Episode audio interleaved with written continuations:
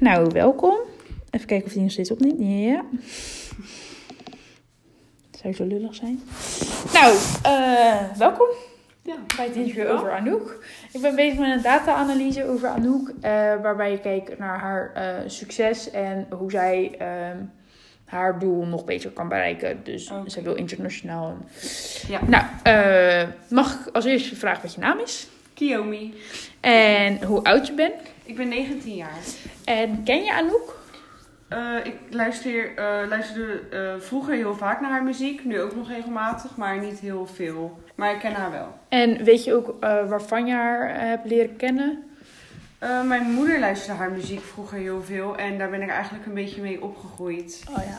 En kan je zeggen dat je eh, fan bent van Anouk? Ja, ja eigenlijk wel.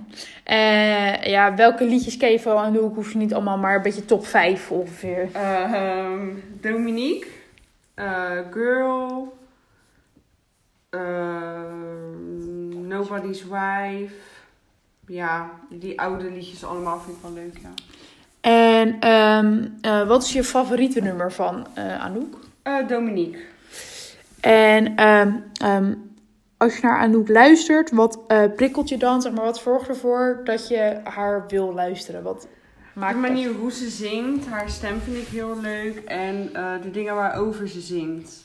Oh ja. Dus de onderwerpen ervan. En ehm, eh, wat voor gevoel krijg je bij Anouk?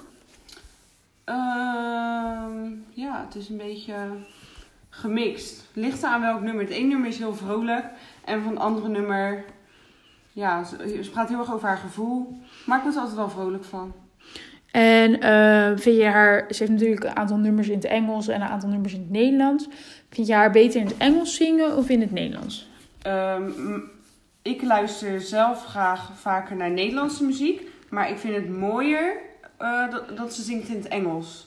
Nice. En eh, weet je nog eh, wanneer, ja, ik denk, ja, ze is jong, maar wanneer je Anouk voor het eerst eh, leerde kennen, zeg maar?